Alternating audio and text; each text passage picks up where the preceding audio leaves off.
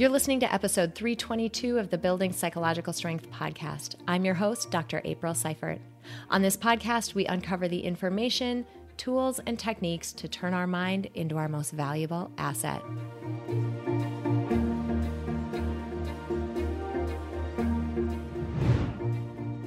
Welcome back to the Building Psychological Strength podcast. On this podcast, we explore the very nature of our minds, how they work, and how they shape our life experience. We believe that life is finite and precious. We know that our minds provide a powerful lens through which we experience the world. And we choose to take responsibility for building psychological strength to craft a life experience that's worth living. I'm Dr. April, a social cognitive psychologist and a life design strategist, and I'm so glad that you're here. You know, you guys, we are exploring one of the most foundational, most important topics in psychology today on this episode. I was, uh, you know, someone reached out to me about this week's guest, sent me her background, and I knew instantly that she was somebody that we needed to talk to. Specifically, this week, we are speaking with Dr. Diana Hill, who is coming to us to talk about psychological flexibility. Now, this is something we've covered a few times on the podcast. We've talked to Stephen Hayes, the founder of acceptance and commitment therapy, which is what is the technique that's used to teach psychological flexibility. Don't get thrown off by the therapy piece of it. Yes, it's used in therapy, but it's used in a ton of different coaching paradigms as well, um, and in other just more just run of the mill, everyday life sorts of techniques. So, we've talked to Dr. Stephen Hayes. And now we're speaking with Dr. Hill because she does such a beautiful job of not only explaining the concept of psychological flexibility, but of giving tangible, just concrete ways to build it in your own life and also use it to improve your experience. So, a quick background on Dr. Hill. She's a clinical psychologist and the co author of the ACT Daily Journal Get Unstuck and Live Fully Aware with Acceptance and Commitment Therapy. She's the co host of the popular podcast Psychologists Off the Clock. I highly suggest you check it out. And offers regular teachings in compassion and ACT through Insight LA and Mindful Heart programs. Through her online teachings, executive coaching, clinical supervision, and private therapy practice, Dr. Hill encourages clients to build psychological flexibility so they can live more meaningful and fulfilling lives. And if there is not one other purpose that is more aligned with this podcast and the work we do at Peak Mind, I don't know what is. So I can't wait for you to meet Dr. Hill. Let's get to it.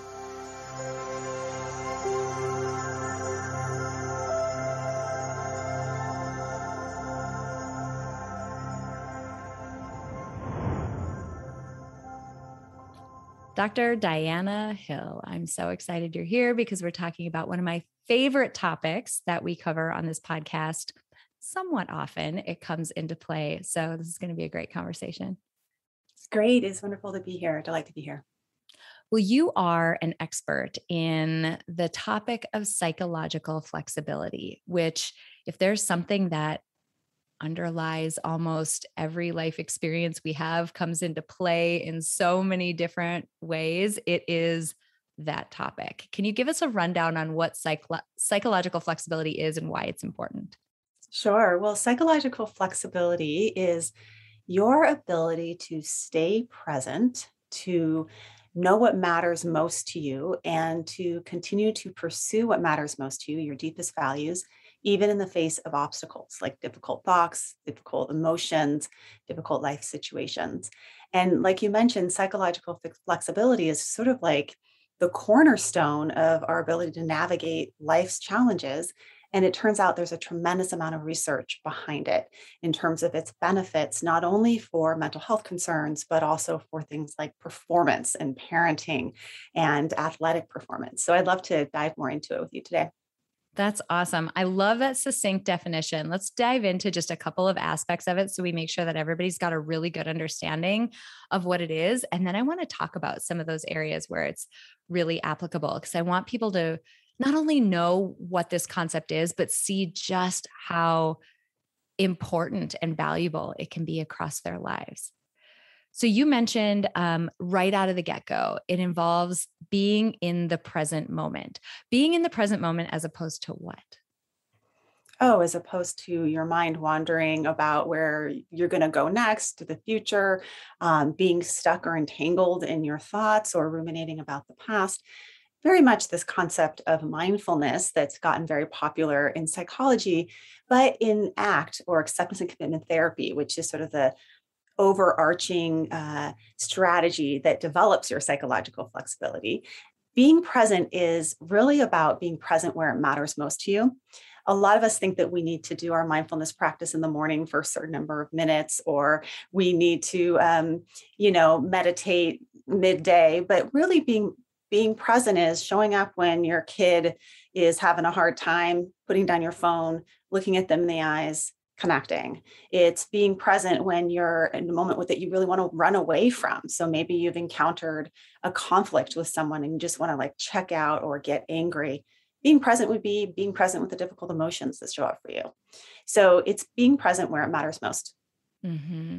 I love that because we've talked about it in a lot of different aspects. And so I'm there's a lot to connect the dots here because this topic again is so foundational to I mean, next to every almost everything, that mindfulness, so much of our waking time, like the hours that we're physically awake, we spend very fused with and very wrapped up with. If you just think about our thoughts, like very fused with our thoughts, very wrapped up in them.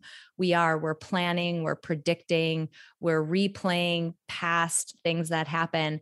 And I love the way that you describe that because it's about being here in the moment especially for the moments that matter as much as we can and that's so great because it's such a juxtaposition to how it's one of those times where like our mind's natural tendency like oh thanks so much but that's not very helpful. It isn't very helpful for us to be so entangled with our thoughts.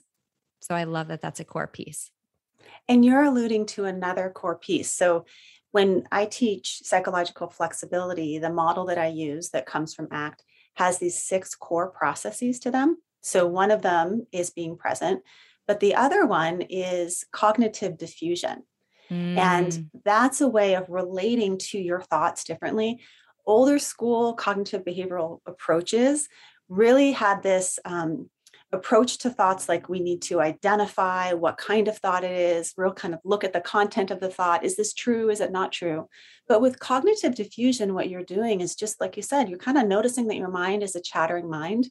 It tends to chatter. Some of the things it says are helpful, some of the things it says are not helpful. And you get to be the chooser of where you place your attention.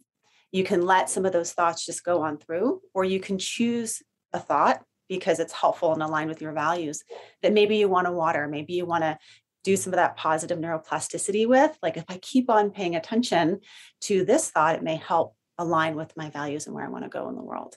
So those are two of these six core processes of ACT that sometimes I like to think of them as like sides of a Rubik's cube. Mm-hmm. They kind of reflect, and um, when you work on one side, it's going to work on another side. So even if you're being present, you'll start to notice your thoughts. And uh, if you are practicing cognitive fusion, you also have to be present. So those are two of the six.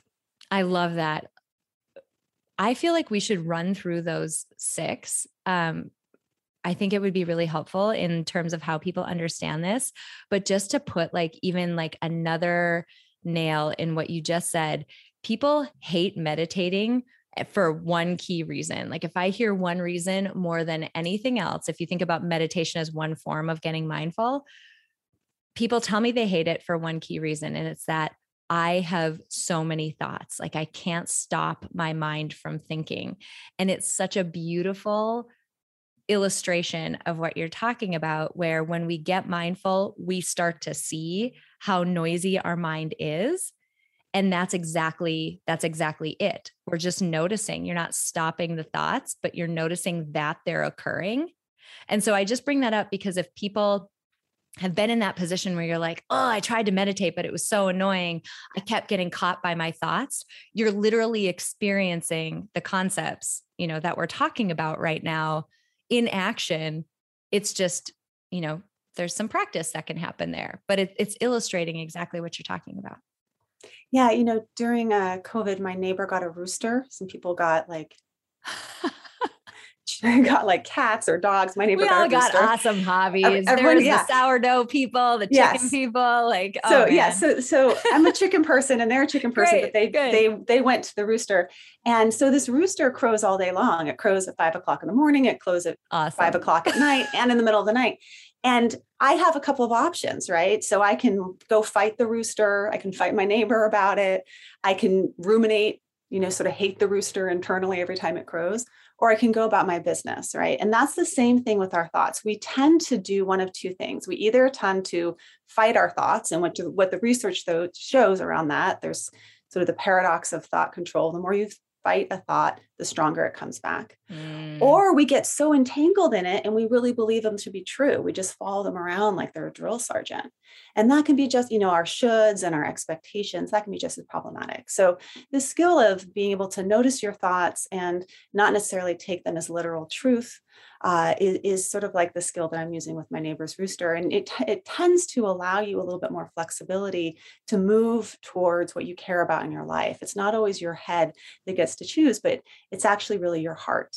And that is one of the other six components of ACT, which is about values. And um, values are about what you care about, what's personal and chosen to you, uh, and what brings you intrinsic motivation. Uh, and qualities that you bring to the actions in your life. So things like uh, if you really care about being mindful, that would be bringing mindfulness to this conversation. But some people care about adventure or being compassionate or being humorous, right? So that's one of the other six. And I can go around the, yeah, the last keep going. I love it. I love it. Yes. So we have being present, we have cognitive defusion, we have your values. And then the fourth one is acceptance. So it's called acceptance and commitment therapy or ACT. And it's called acceptance for a reason that actually acceptance, which is allowing, opening, um, and being curious about your experience, is one of the key things that actually allows you to make changes in your life. So, acceptance is one of the core processes. And then there's also a core process around perspective taking the ability mm. to notice your own self stories that you're caught in and take perspective on your own self story and then also be able to pay, take perspective with another person to get behind the eyes of another person. My gosh that's the foundation of empathy. That's the foundation of conflict resolution. That's the foundation of like open mindedness right? So perspective taking is really helpful. And then the last one is committed action and act as a behavioral psychology. So uh, we don't just think about things, we actually do things. and committed action is about making committed moves towards what you care about on a daily basis. Small, tiny moves, small, tiny habits, as BJ Fogg would say, because it's those small moves that are sustainable over time. Um, but those together are those six sides of the Rubik's Cube that work together to build your psychological flexibility. This is so good. I feel like we should go through a couple of uh, examples of situations where this applies and maybe like step through those six in terms of how they apply in a situation. I mean, the obvious one that we've all been going through for the last 18 months is you know covid and at the time that we're recording this it's that we were joking before we hopped on like oh do you this is like the age old issue of, creating content during a pandemic because the second you record something, it's like the week after it comes out, something completely is going to change. So let's just say we are recording this at the beginning of October. The world is what it is right now, but um, maybe you are in a situation where um, you know you're having to dis like having to deal with the fact that your employer is making some decisions about whether you're going to go back to the office and what the parameters are around that and you're feeling really wrapped up with what uh would happen so let's say like that's the situation that you're in, right? Like you're facing all these external factors about what, you know, your job is going to happen. And this is just one example, but I think it's helpful to step through those six factors as they would apply. Sure. So this is a external circumstance, right? So when we when we look at external locus of control, oftentimes we can get stuck in, oh, there's nothing I can do about that. Yep. But there's a whole lot we can do about it because we could look at what would be psychologically inflexible, right? In terms of maybe getting bogged down by your thoughts, your rumination, your frustration, and not being able to get clear on where do I have agency here. Right. You so like wrestle we, with the rooster of your wrestle with the rooster. Yeah. yeah. This is the thing. Yeah. Also known as your boss in this situation. Yeah. Your right? boss is the rooster. Yes. So the first thing that I like to do is look at values. And when something really bugs us, it's probably because it's connected to our values. Mm. Steve Hayes, um, who we talked about, has been on your show and it's been on the Psychologist Off the Clock a couple of times, talks about this line that I love called You hurt where you care. Yeah. You hurt where you care. So if you're feeling frustrated or upset or um, worried about something, there's probably some kind of value underneath. Is it your autonomy that you value? Is it that you really value the, the time that you've had at home and your ability to walk your dog at lunch and make your own lunch and your, your healthy meals in your own home or whatever it is that you could start to look at okay what are my values that i that i'm feeling are threatened in this situation? And that starts to then organize us around okay well could i carry some of those values out even if the external situation didn't change? Mm. and what would that look like? There's a term in act called creative hopelessness which is getting hopeless about something so you can get creative about it. That's and, awesome. And so getting a little hopeless to then be able to say, okay, wh- where are my values? And then could I point myself in this direction? Now, that's probably going to lend to another act process that would be needed here, which is acceptance. And in ACT, it's not as much acceptance of the outside world as it is acceptance of our inner experience. Mm. This may be uncomfortable. I may have thoughts that show up, emotions that show up that are uncomfortable for me to feel and think. But if I could right now, just even we could practice this together, we could practice acceptance with our body by just like letting go of our belly a little women are taught to hold their bellies in, right? Mm. So like mm. let go of your belly, like not hold so much tension in our body. We can practice acceptance with a with a yes brain. So like a as um, Dan Siegel says, a yes brain. What if I were just to say yes to this experience as it is and kind of step towards it? If I could open my arms, open my eyes, and, and sort of be with what is. So that would be another act process that you could use. And then maybe a third act process would be perspective taking perspective taking on yourself and your self story. You may be caught in the self story of I can't handle it, or it's going to be so terrible, or you know, kind of rehearsing the the future forecasting based on what happened in the past. You know, you may be already like playing that whole movie out with ever having even gone into it. Could you step back and notice that that's a story that your mind is creating? Or maybe you have a story about your boss and you have a story about the workplace. And you could take more of a beginner's mind, like the possibility that this could be different than, than what your mind is telling you it's going to be like. So, those would be three processes you could use with that sort of example.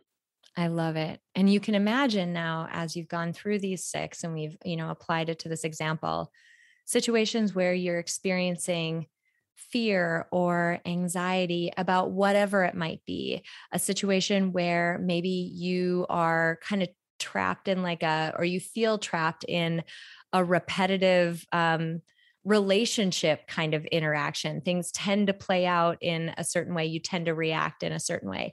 You can imagine where all of these, right? Where you get present to the moment, you observe your thoughts, you point toward what matters, and then take action based on that, not based on sort of getting wrestling with the rooster, getting wrestled up in all of your thoughts. You can see how incredibly useful this can be in so many areas of your life. It's just, this is why I love it so much and was so thrilled to have been introduced to it a few years ago. It was just, it was just transformative. I mean, personally for my life, but also for what we do on the podcast. It's so great. What, yeah, you know, I, oh, go ahead. I was just going to say, I think of psychological flexibility as sort of a superpower that nobody else has to even know that you're doing it or using it, Mm-mm. but that it can show up in whatever situation you're in. So maybe you're with your in laws and, and you're just hating every single moment and resisting every single moment of this. You could practice psychological flexibility right there. You could play with all these tools. Could I play with just yes mind and opening and allowing? Could I play with acting in a way that would be my best self in this moment. So, values are very much about being the person you want to be in the world, right? So, if I were, at, if someone were videotaping me right now and they were to display that video five years from now, I would want to act in a way that I would feel proud of. And what yeah. would that be like? you know and so then all of a sudden we have some agency around our action and our behavior that makes us you know over time if you continue to move towards your values act in line with your values you build a life that is rich and meaningful. You build a life that you feel proud of at the end of the day. And mm. that is independent of what's happening in the world around you and the circumstances that you're in. Yeah. you, you still have agency. Oh i love that Something else you said that I think is worth just drilling into a little bit because I don't want to miss the opportunity is you talked about Hayes saying, you know, we paraphrasing like we uncover what's important to us by looking at, you know, what affects us, like what hurts. That in and of itself as just a valuable tool for self awareness. I mean, think about it. Like when I think about this week, the times when I've been most frustrated and most annoyed, it, he did this exercise when he was on the podcast of like, imagine writing that all down on a sheet of paper. And then you flip the sheet of paper over and you ask yourself, well, what does like, what is meaningful to me, right? What is being threatened there? You get so clear on, oh, it is my autonomy or no it's a boundary or no it's a whatever that happens to be right like just for a tool for self-awareness that piece is so powerful because it's us sort of gutturally responding to experiences and happenings around us but getting to learn from them in a way that's actually valuable to us to take forward Yes, I think that two avenues into getting clear on your values are are one, where do you hurt? That's mm-hmm. a good mm-hmm. pointer. If you're a parent, you know that well. You know, yeah. like there's nothing that's brought me more pain in life than being a mother. It is excruciating and it's probably nothing that I care about more in life than yep. being a mother, right? Yes. And then another avenue in is is what brings you vitality? What mm. is it that when you are engaged in that way and doing that thing that you have that sense of flow or you have that sense of my goodness, I could do this and no one would have to pay me to do this type of work because I just love it so much. I feel so engaged. That's another indicator of your values. And what's interesting about values is that it maps onto some newer happiness research. There's some really sort of cutting edge research coming out um, by these two researchers, Oishi, and Westgate, that are producing these studies on um, what's considered a well lived life. Mm. And they say mm. that there's three dimensions. The first two dimensions are ones we've heard a bit about in terms of psychology. So the first dimension is hedonic happiness, like comfort and pleasure and yummy things like my rose oil that I put on. It's like super lovely, right? That's one type of happiness. And that type of happiness, there may be some correlation actually with finances, that if you have a little bit more money, you actually may have a little bit more of that hedonic happiness in your life. But the second dimension of happiness that's been researched probably for the past decade is eudaimonia happiness. So a sense of meaning and purpose. And what's interesting about a sense of meaning and purpose is that it's not always pleasurable. So those mm-hmm. are two different mm-hmm. constructs. You can have meaning and purpose. You can wake up in the middle of the night with your kid and it's not pleasurable. Nope, not right? at all. not at all. Um, but the third type of happiness is, or a well lived life that researchers are looking at, is something called psychological richness. And what's interesting about psychological richness is that it has more to do with things like curiosity, perspective shifts. When they did some research on college students, college students that traveled abroad had greater psychological richness. They didn't have greater hedonic happiness or necessarily meaning, but they had psychological richness. Mm. When they look at mm. obituaries of people um, in the New York Times and other types of obituaries, they see this component of folks that had this sort of psychological growth across their lifespan. And psychological richness and meaning are the two components that kind of are wrapped up in values. Yeah. When you are clear on what matters to you and you start to pursue what matters to you, you start, to do this type of perspective shifting and taking, you build this well lived life that has a different quality to it than just a hedonic, pleasure filled life. A pleasure filled life can also be a mundane life. And so that's where I'm kind of interested in helping people start to look at how can I flesh out these other aspects of well-being so that yes, it's good to have comfort and pleasure, but it's also help to have, helpful to have psychological richness and meaning and purpose. I like you so much. That's so good. That is so good. Um, thank you for sharing that. I hadn't actually heard about that research, so I really love it. And it's a great reminder, you know, in those times when um, you know, you see a lot of things out in sort of Instagram land and other places like that, the good vibes only crowd and the make yourself feel good all the time crowd. And it isn't. There's so much more depth to it than that. When we truly study it, uh, there's much more. And this third aspect is amazing. And now I'm going to spend like half my weekend digging into it. So that's amazing. Um, I would love you have a unique perspective on how psych flexibility plays into people who um, kind of strive for more, strive to achieve. Maybe perfectionism seeps in there. You know, we've talked about that quite a bit on the podcast. We talk about people who are people of high responsibility who might be juggling kids and aging parents and a really big job and maybe they've got a side thing that they're trying to grow and there's all these things or maybe they're just chasing something giant or just an achievement. We've talked about this a bit on the podcast, but not from this lens. I'm wondering if you can talk a bit about how it applies there. Well, I've had this long term interest in striving. And I think part of it becomes from my own personal ambivalent relationship with striving.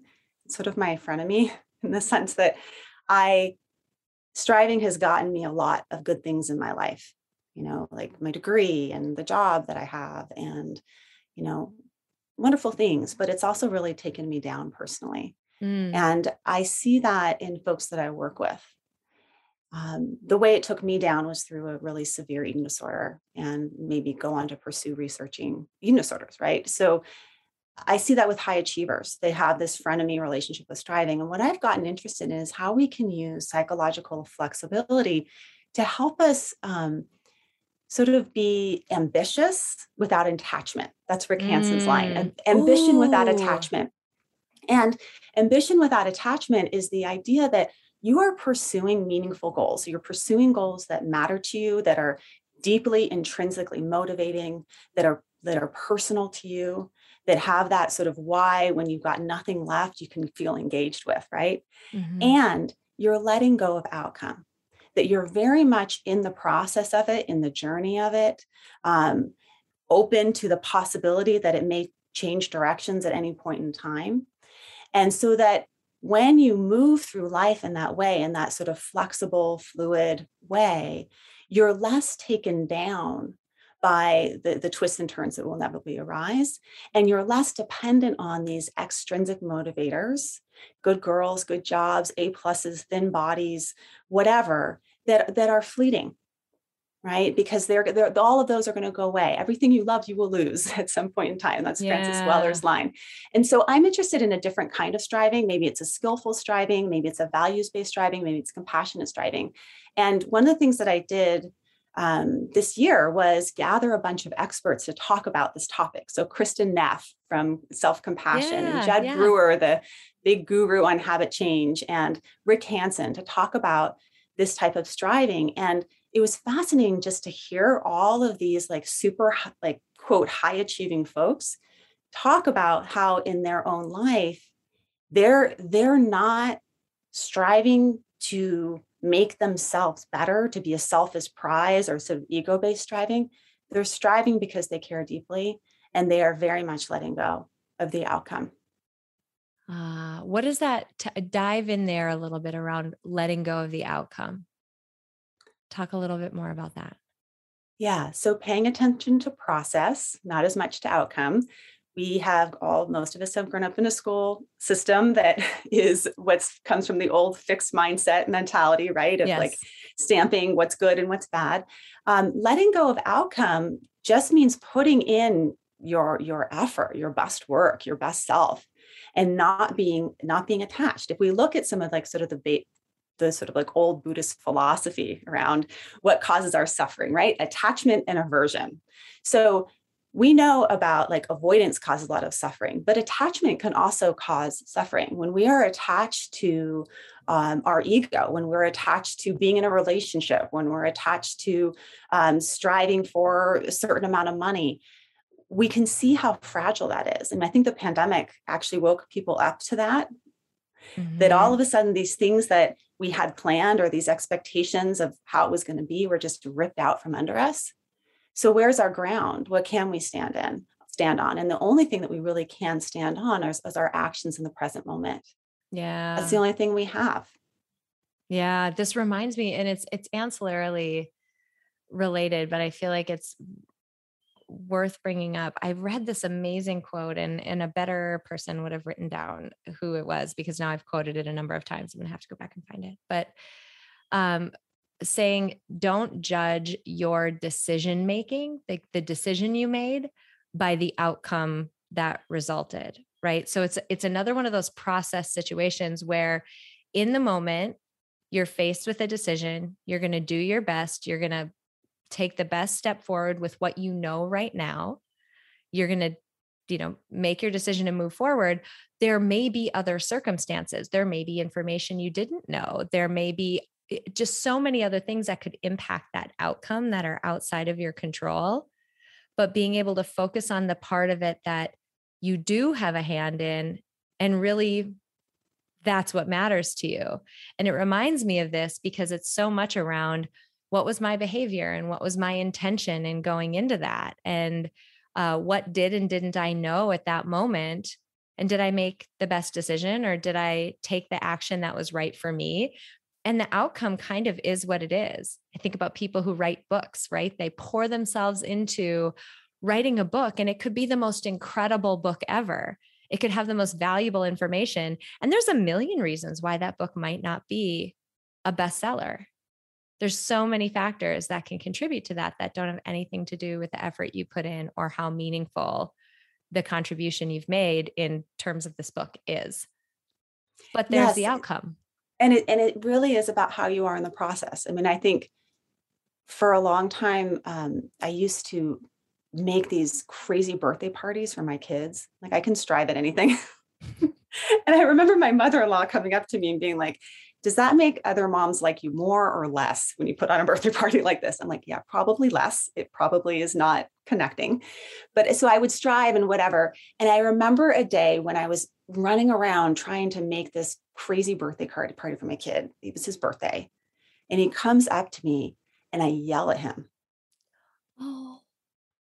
Because I was so stressed out and I was being so perfectionistic and I was striving so much to make his birthday party perfect, right? In that moment, even if the outcome was the perfect birthday party, I totally messed up the process. Because the process was about if you actually really ask me about what this is about i really care about my kid and I, and I and i love him and i want to show that i love him.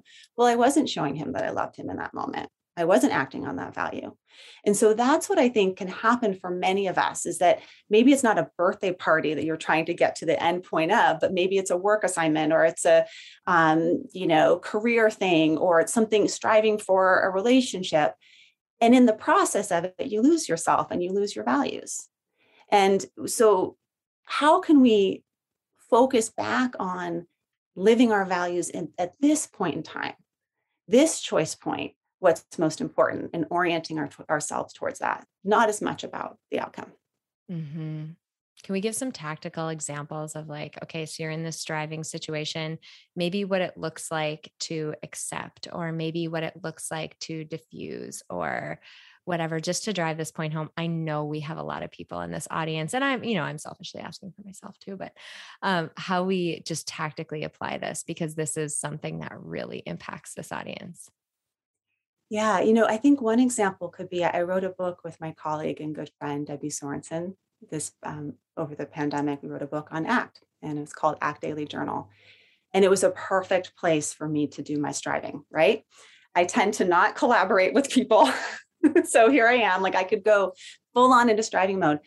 And I was also writing a book with a friend during a pandemic. We were both moms, and I needed psychological flexibility to get this thing done, right? Mm-hmm. So the stressful striving path, my old path, would have very much been about sacrificing the friendship to get the get the job done being overly perfectionistic getting caught up in my own worry thoughts am i good enough? Is this good enough? Right? And having those bog me down may even cause me to be um, uh, procrastinate because I was so worried about it being a good job, right? And I did get caught in that from time to time, but I also was able to orient towards my values of okay, what is this about? I want I want to create this to help some some people that have similar issues and concerns that I do. So getting clear on your bound on your values is the first thing.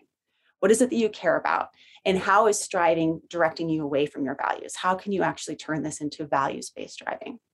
The second thing that can be really helpful when you find yourself sort of caught in a, in a, in a striving, unhealthy kind of striving cycle is to ask yourself, what am I avoiding by striving? Ooh. Yeah. So are you avoiding feelings of not good enough? Are you avoid, avoiding not belonging? Are you avoiding intimacy? Are you avoiding the feeling of saying, I can't do it all? I need help here. Like if and, you stop thriving or striving, then what? Like, right. what's the big scary monster that's going to come yeah. up and right what's fight at your heels? Experience? Like what? Oh, ooh, that's yeah. good. Okay. So striving can be a form of emotional avoidance. Yeah. For many people, it can be. It can be so. It can be both. It can be a form of ego building. Joseph Ciarrochi talks about self as prize. So it can be about like how to gain status and stroke my ego and all that positive reinforcement, but it can also be negative reinforcement. It can be about avoiding things like those those those old feelings right that, that were there. Some people get really caught up in striving during stressful times in their life. During the mm-hmm. pandemic i saw people like overworking because they were like feeling so out of control with the pandemic right? Um, so so that's the other question the second question what are my values? What am i avoiding? Can i actually move towards and open up and allow for that that dreaded experience because i'm pursuing my values right?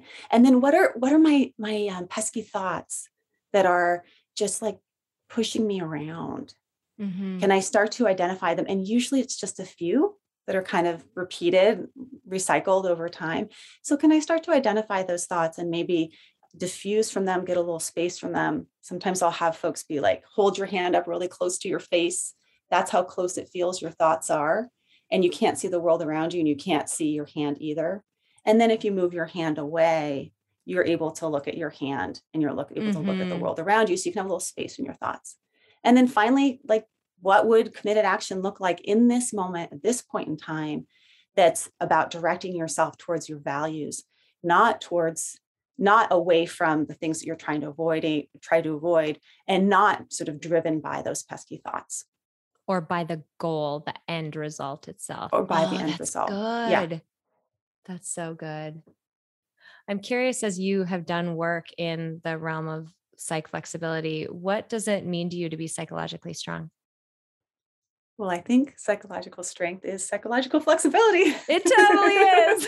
I, you know, a, a, secret side of me is that I'm a yoga teacher. I, I, actually dropped out of graduate school during my second year. I went back, but I dropped out and went to go study. I don't yoga. blame you. It is crazy. That it is, is crazy. crazy time. Yeah, oh. many many different dropouts in my life, but that was one of them. And um, and in yoga, strength and flexibility are uh, go hand in hand.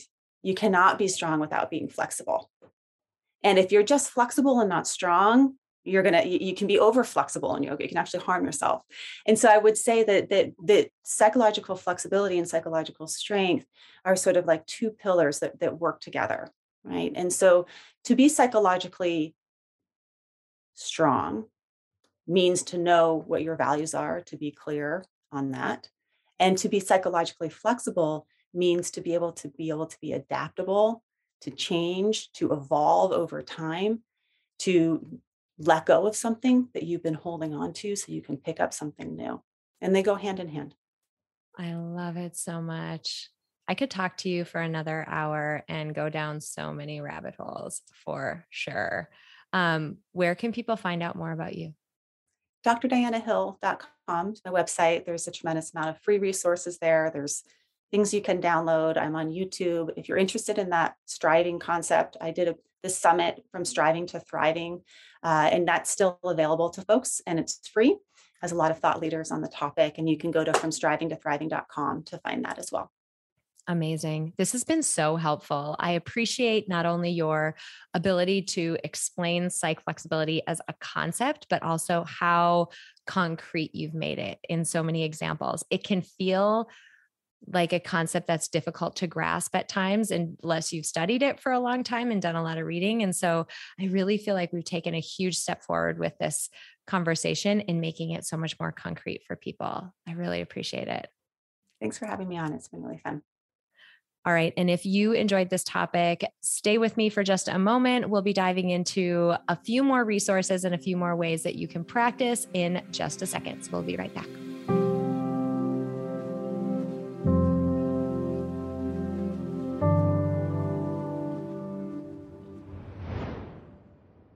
All right, friends, just a quick wrap up segment today. Just a quick conversation about some other places that you can go to dig into the topic of psychological flexibility, to practice it a bit more, and to think about how you can apply it in your life. First, I want to mention two recent, or well, two podcast episodes, we'll call them from the vault. Number one, Obviously, I have to mention our episode with Dr. Steven Hayes. He is uh, the author of a book called A Liberated Mind. And we, in episode 143, we spoke directly to him about what acceptance and commitment therapy is, what psychological flexibility is, and how you can apply it. Here's why I want you to listen to that episode. During that episode, Dr. Hayes led me personally through an exercise to do exactly what we mentioned with Dr. Hill, where you use the parts of you that hurt to identify what matters to you. I have never had a guest throw me off so much like I did when I spoke with Dr. Hayes. And it's because that exact exercise was so meaningful to me in that moment. I like I almost couldn't speak when I got back onto the episode after doing that exercise. I want that same experience for you. So please go check out episode 143. It's linked in the additional resources section of this podcast description and the show notes page. And listen for that exercise. You are going to want to be in a quiet, uninterrupted, non distraction place. And you're going to want to just close your eyes and do that exercise with him. I promise you, it is so meaningful. So, episode 143. I also want to mention episode 161. I spoke with Dr. Margaret Rutherford. She is another clinical psychologist. She wrote a book called Perfectly Hidden Depression. Here's why I'm recommending that episode. We talked on the back half of this conversation with Dr. Hill about this notion of striving, right? Those of us who have almost a perfectionist tendency, we strive toward goals, we want to achieve. There's a downside to having the wrong kind of relationship with striving and with perfection and it can manifest itself in a number of ways. Dr. Rutherford wrote this book called Perfectly Hidden Depression because what she has found in her practice and in her research is that perfectionism and high achievement can mask symptoms of depression and they manifest themselves in a different way. So if you find yourself as somebody who really strives for achievement and is just a, you know, a type A type person, constantly full plate, you're really going to want to check out that episode as well in addition to this conversation with Dr. Hill. It just takes you deeper into the relationship we can have with perfectionism and striving and ways that it can kind of go awry and not help us out. So definitely check out episode 161 uh, also linked in this description. Finally, one last ep- or one last resource for you. I mentioned that acceptance and commitment therapy, yes, it's used in therapy, but you can also use it just even if you're not in therapy, if you just want to live a more fulfilling and more meaningful life. One book that can help you do that is written by a man named Russ Harris. He wrote a book called The Happiness Trap. Holy cow, if I have ever seen a beautiful application of acceptance and commitment therapy or ACT just for people's day to day lives.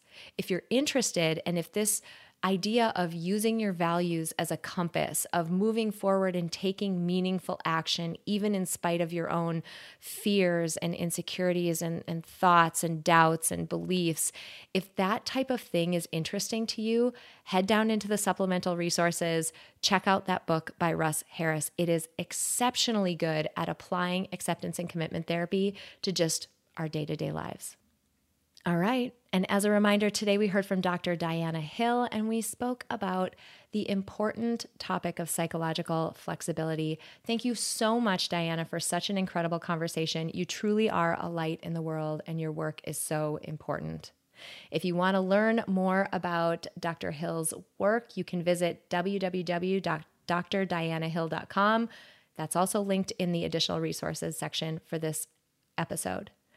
I want to sincerely thank each and every one of you who's left us a rating or a review on iTunes. If you haven't yet, please do so and please share this episode with somebody who could benefit from it.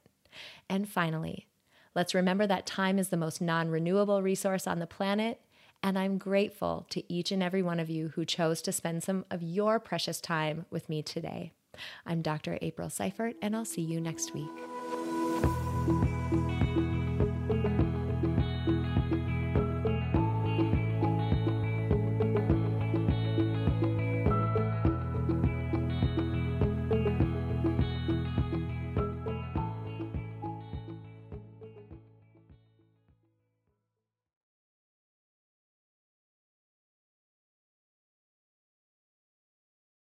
At Parker, our purpose is simple. We want to make the world a better place by working more efficiently, by using more sustainable practices, by developing better technologies. We keep moving forward. With each new idea, innovation, and partnership, we're one step closer to fulfilling our purpose every single day. To find out more, visit parker.com/purpose. Parker, engineering your success.